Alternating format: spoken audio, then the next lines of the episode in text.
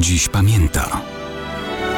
Datownik historyczny prezentuje Maciej Korkuć.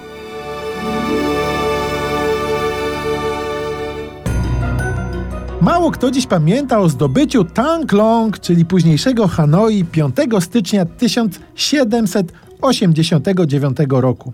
To historia bez udziału europejskich państw kolonialnych, stąd mamy tutaj wiele imion i nazw, które obco brzmią dla europejskiego ucha.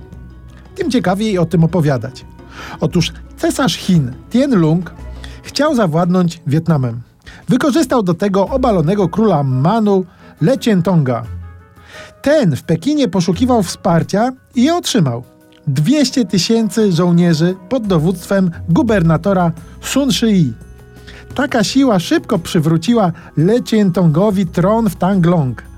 Jednak nie uznał tego stanu rzeczy panujący na południu Wietnamu Nguyen Van Hue.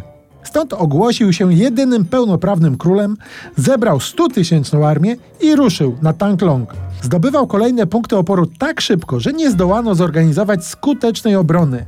Lecien Tong robił co mógł, aby miasto obronić przed napastnikami. Liczył nadal na Chińczyków i wciąż przebywającego w Tanglong gubernatora Sun Shi. Pomylił się. Sun Shi tym razem nie zamierzał nadstawiać karku. Szybko się ewakuował na czele jednego oddziału wojsk chińskich. Ale zadziałało to jak lawina. Kiedy wśród innych Chińczyków rozeszła się o tym wieść, ogarnęła ich panika.